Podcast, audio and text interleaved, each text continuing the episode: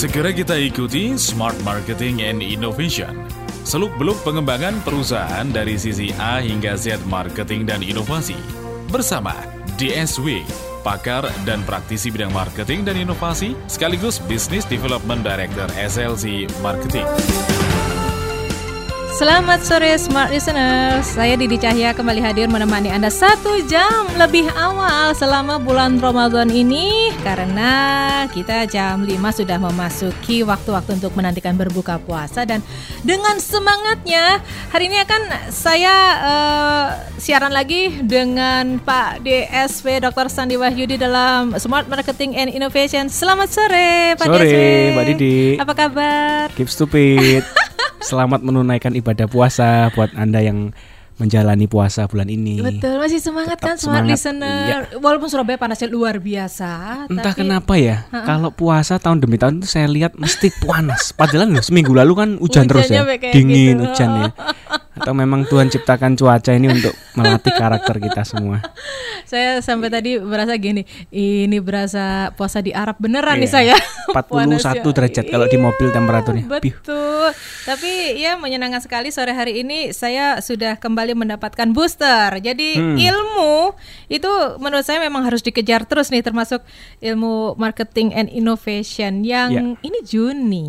Juni, betul. Yang berarti topik baru ya? Topik baru, Ah. kita sebulan ini punya tema baru Mbak Didi, yaitu market captivity in sharing economy. Waduh, Waduh. bahasa apa ini? bahasanya market captivity, Captivity in in sharing sharing economy. Nah, kita bagi menjadi empat kali Senin. Mm-mm. Hari ini top digital trend in 2016. Mhm. Minggu depan technology adoption life cycle. Mhm. Minggu depannya lagi market segmentation of captive customer. Oke. Kita akhiri 27 Juni hari Senin Mbak Didi Mm-mm. digital innovationnya in sharing Oke. economy. Nah, sangat menarik karena akhir-akhir ini saya lihat tema-tema tulisan Pak Renal, Pak Renal Kasali, Pak Hermawan itu mengulas tentang sharing ekonomi. Saya coba lihat dari lisensi yang saya ambil Mbak Didi majalah-majalah, wah ini luar biasa nih platform bisnis. Sharing ekonomi kalau di luar sana disebut sebagai platform bisnis, bisnis platform. Mhm, mhm. Nah, macam kalau Lazada, Mbak Didi, Salora, Blibli.com dan sebagainya, sebenarnya mereka bisnisnya itu platform loh.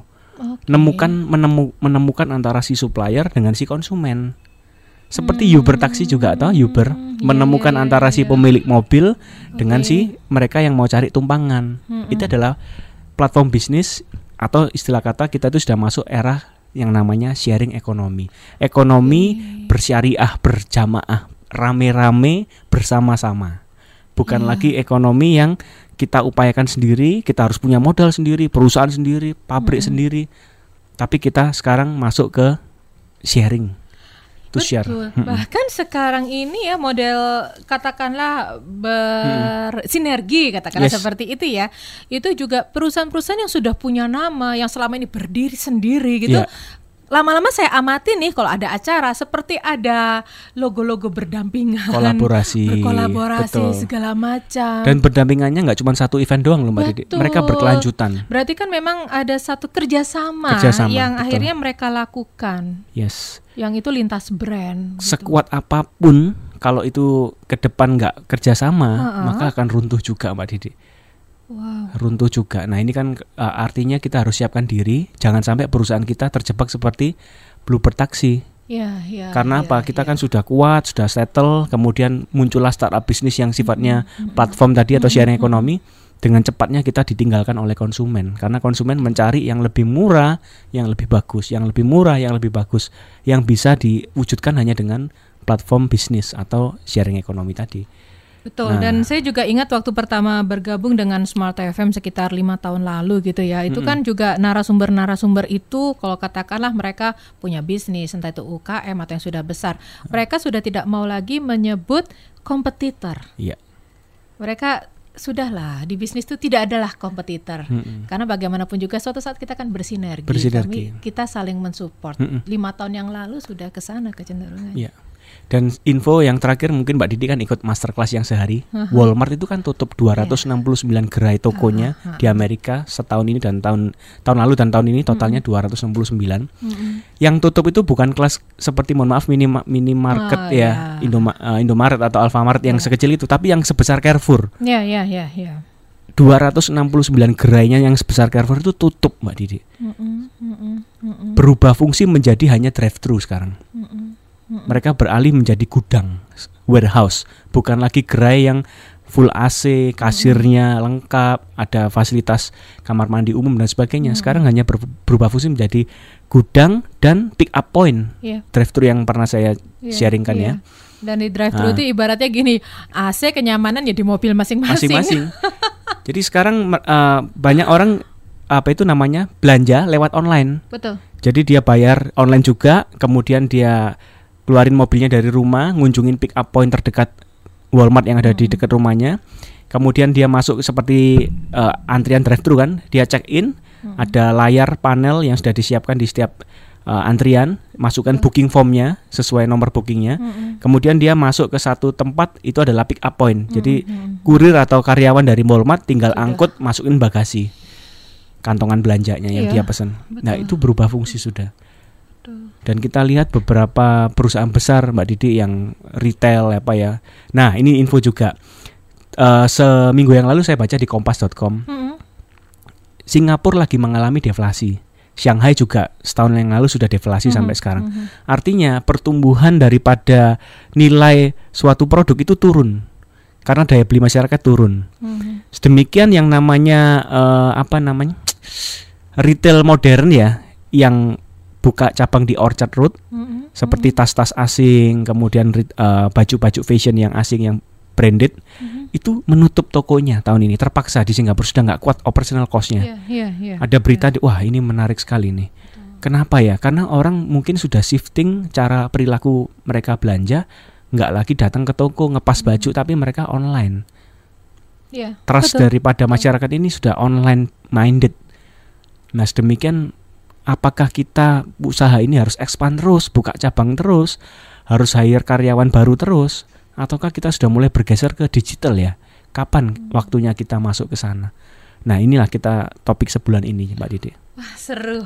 Ya. Saya sangat semangat untuk mengikuti topik ini ya karena eh, kita bicara tentang sesuatu yang sifatnya ke depan Ya, gitu kan. futuristik Dan eh, smart listeners, mungkin sekarang kita masih menyepelekan gitu ya. Mm-mm. Belum semua orang online di, belum semua orang belanja online, Ya. belum internet kita belum sebagus ini. Sebagus itu. Itu betul. kan sekarang. lima tahun lagi. Boro-boro lima tahun, Nah. ternyata besok ada satu kebijakan yang kita nggak tahu. Smartphone yang satu juta udah dapat loh. Udah yang bisa pakai Android. Makanya gitu kan. Nah ya.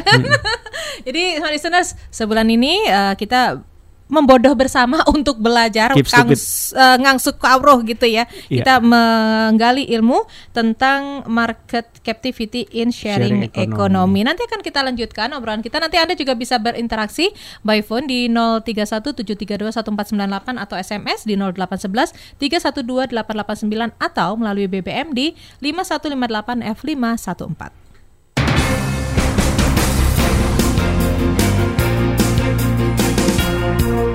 Smart Marketing and Innovation akan kembali sesaat lagi.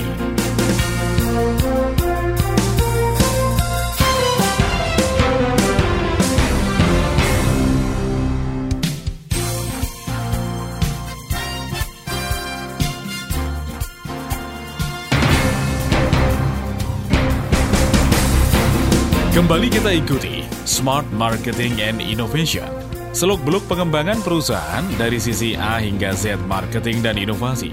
Bersama DSW, pakar dan praktisi bidang marketing dan inovasi, sekaligus Business Development Director SLC Marketing. Berbicara tentang marketing and innovation, tepat sudah kalau Anda memilih Smart FM 889 sebagai saluran Anda. Dan setiap hari Senin bersama Bapak DSW Dr. Sandi Wahyudi, tadi off, eh, off air kita seru juga ya ngomongin tentang tren Iya. kecenderungan yang terjadi sekarang ini apalagi eh, gerai-gerai Betul. busana ternama tutup walaupun eh, padahal sudah belasan, belasan tahun, tahun, di di situ. ya. Ini ada pakar ekonomi Mbak Didi yang berkata bahwa ke saya ini belum apa-apa. Indonesia ini dua tahun memerlukan Hmm. recover. Jadi sampai akhir 2017 ini adalah titik nadirnya yang paling rendah. Jadi kita ini masih trennya masih turun terus, Mbak Didi. Mm, mm, mm. 2018 baru kita mulai recover. Dan ini memang global. Global, jadi nggak cuma Indonesia Tidak aja. hanya Indonesia tapi Betul, global. global. Gitu ya. Komoditi juga masih terpuruk seperti batu bara, sawit, ya ini masih Iya. Masih terpuruk. Kalau batu bara terpuruk artinya konsumsi bahan bakar untuk menggerakkan mesin produksi di pabrik-pabrik ini kan juga lagi slowing down. Mm, mm, mm, mm, Nah, mm. kalau slowing down berarti kan daya beli pasar masih belum Iya, bagus. belum, uh, Nah, permintaan tidak tinggi, jadi Mm-mm. kapasitas produksi tidak terlalu tinggi Betul. gitu ya. Berarti ibaratnya adalah ini duit di tangan masyarakatnya nih naikin dulu nih, baru nanti semuanya berputar nah, lagi nih. Ini gitu artinya ya. teman-teman semua kalau kita mau ekspansi usaha, Mm-mm. Jangan apa namanya ter- terburu nafsu, terlalu cepat, jangan juga terlalu lambat. Sebaiknya masa-masa ini kita gunakan untuk inovasi, khususnya digital, Iya, iya, iya, iya, untuk iya. meringankan beban kos perusahaan kita. Nggak Hmm. semuanya bisa kita digitalkan. Tapi bayangkan kalau kita sudah ini terakhir kan terobosan government kita Mbak Didik ya, Mhm. semua pakai online. Iya. Eh, kat- apa itu? Faktur pajak juga online Iya. ya kan. Mm-mm. Samsat juga sudah online semua, Betul. KTP dan semuanya. Terus ini akte kelahiran sekarang juga online. Mhm. Nah, kalau sudah semua online, artinya juga jajaran tenaga kerja kan pasti juga kosnya berkurang, Mhm. antrian juga berkurang, operasional gedung berkurang. Semua akan kan me- cost efisiensi ya. Iya. Fokusnya pada cost efisiensi. Iya. Nah, seperti yang tadi saya utarakan 269 gerai Mhm. eh, Walmart Walmart. tutup karena apa kemajuan teknologi di sana semua orang sudah punya gadget toh. Iya. Semua klik-klik online, semua trust pada online behavior Mhm. purchasing online-nya sudah kuat. Nah, Indonesia kapan? Mungkin lima tahun lagi Hmm. semua sudah belanja secara online. Mhm. Mhm. Iya. Awal 2000-an Air Asia masuk, Mbak Didi, semua orang pada takut belanja tiket apa online ini bener ndak ya? Mhm. Tour travel nggak nggak bergeming waktu itu karena Ya. apa? Semua orang masih telepon tour travel. Betul. Tapi sekarang tour travel berubah fungsi, nggak lagi tiketingnya yang banter karena cuan Hmm. marginnya kecil banget. Mhm. Semua orang ke Traveloka, Iya. ke tiket.com, langsung ke website yang bersangkutan, airasia.com Hmm. dan sebagainya. Efeknya baru terasa belasan tahun setelah itu. Hmm. Nah, ini kan ah, jangan sampai terjadi demikian. Usaha kita berapa tahun ke depan mulai ditinggalkan customer karena kita tidak bisa bertransformasi secara digital. Iya juga ya. Nah, Bluebird Betul. cukup terlambat Mbak Didi kena pukulan Uber baru mereka luncurin apps aplikasi Mm-mm. yang bisa pesan langsung. Betul. Pernah ada satu klien kami yang mencoba Mbak Didi.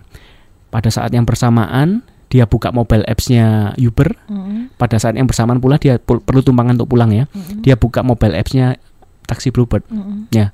Dicoba sama dia pesen langsung dua-dua. Yang muncul Uber duluan. Nggak lama tek Uber duluan terus dia cancel kan. Bluebird-nya Iya, langsung iya. otomatis supaya nggak merugikan. Nah itu juga jangan sampai. Artinya eh sudah terlambat. Kemudian servisnya juga kurang. Mulailah orang Kesiapan beralih. armada juga untuk transfer teknologi ini juga harus sampai Betul. ke armada Operasional. operasionalnya. kecepatan servisnya dan harganya memang lebih murah Uber. Mhm, Wow. Ini ini sekarang nih, belum Iya. besok-besok nih Nah. akan lebih banyak lagi. eh, Bagi Anda pemain hotel ini juga hati-hati. Iya betul. betul. Pemain hotel karena apa? Ada Airbnb, Mbak Iya, Didi. mm-mm. Airbnb itu yang Mm-mm, seperti mm-mm. Ubernya untuk rumah space ya, kosong di Betul. tempat tinggal kita. Betul. Kalau misal kita punya tempat tinggal rumah yang kamarnya kosong nggak ditinggali, kita siapkan rapikan, kamar tidur kita bersihin, kita bisa download aplikasinya Airbnb, kita bisa dapat income di sana, yaitu Betul. menyewakan kamar kosong kita yang nggak dipakai itu bisa harian, mingguan atau bulanan. Dulu saya mengetahui model Airbnb itu hanya lewat film dan itu beberapa tahun yang Beberapa lalu. tahun lalu. Beberapa tahun yang lalu Oke. dan memang di luar negeri sudah melakukan. Saya masih berpikir Kapan "Ih, sih?" lucu Iya, ya bisnis bisnis seperti itu dan sekarang sudah di depan mata bahwa itu bisnis itu real. Ya. Real. Jadi apa yang beberapa tahun lalu menjadi tontonan kita, sekarang ya kita melakukannya, menggunakannya. Mm-mm. Saya yang dulu tidak percaya dengan online, apalagi urusan pembayaran. Sekarang saya ke mana-mana males ngurusin beli tiket segala macam, semuanya tinggal klik, Mm-mm. tinggal check in, tinggal reservasi, Ya. beres. Dari yang permu- semula tidak nyaman, tidak percaya, akhirnya percaya. Jadi ini memang edukasinya luar biasa. Tapi kalau mau edukasi terus kapan, gitu Ya. kan? Oke. Ini sudah eranya 2016 ternyata sudah kita udah masuk ke dalam sistem sharing ekonomi. Sharing ekonomi. Artinya kita kan Hmm. tema bulan kita kan bulan ini kan judulnya market captivity ya Mbak Didi. Mm-mm, Market captivity itu artinya captive me- membuat customer kita captivated, tertawan. Captivated itu tertawan. Jangan sampai perusahaan tetangga kita lebih maju secara digital atau bahkan bukan perusahaan kompetitor kita yang anak baru kemarin sore bikin startup bisnis, platform bisnis pakai digital mobile apps gitu ya. Ujuk-ujuk customer kita pindah ke si ini semua. Si anak kemarin sore ini. Seperti Uber Taxi itu kan anak kemarin sorenya Bluebird kan. Hmm, hmm. Baru aja berapa tahun sudah bisa menghantam segitu banyak omsetnya Bluebird. Nah, market captivity bagaimana strategi kita, customer yang sudah loyal selama ini di perusahaan kita, jangan sampai berpindah. Berpindah hati, mereka nggak ambil lagi dari tempat kita karena di tempat lain lebih murah, lebih bagus, lebih cepat layanannya dengan adanya inovasi digital yang perusahaan kompetitor lakukan atau anak kemarin sore yang baru bikin startup bisnisnya digital Mitra bisnis, jika Anda merasakan manfaat luar biasa dari seri Marketing Innovation Lesson ini dan ingin mendapatkan versi lengkap yang sudah disusun per judul berupa CD maupun podcast, sedemikian bisa dipelajari lebih mendalam, silakan kunjungi website kami di www.slcmarketinginc.com atau ke Shopee official store kami di SLC Marketing. Anda bisa mendapatkan harga spesial dari kami. Ikuti terus knowledge sharing dari kami. Saya DSW Dr. Sandi Wayudi, Presiden SLC Marketing Inc., founder of Connectpedia. Sukses untuk kita semua.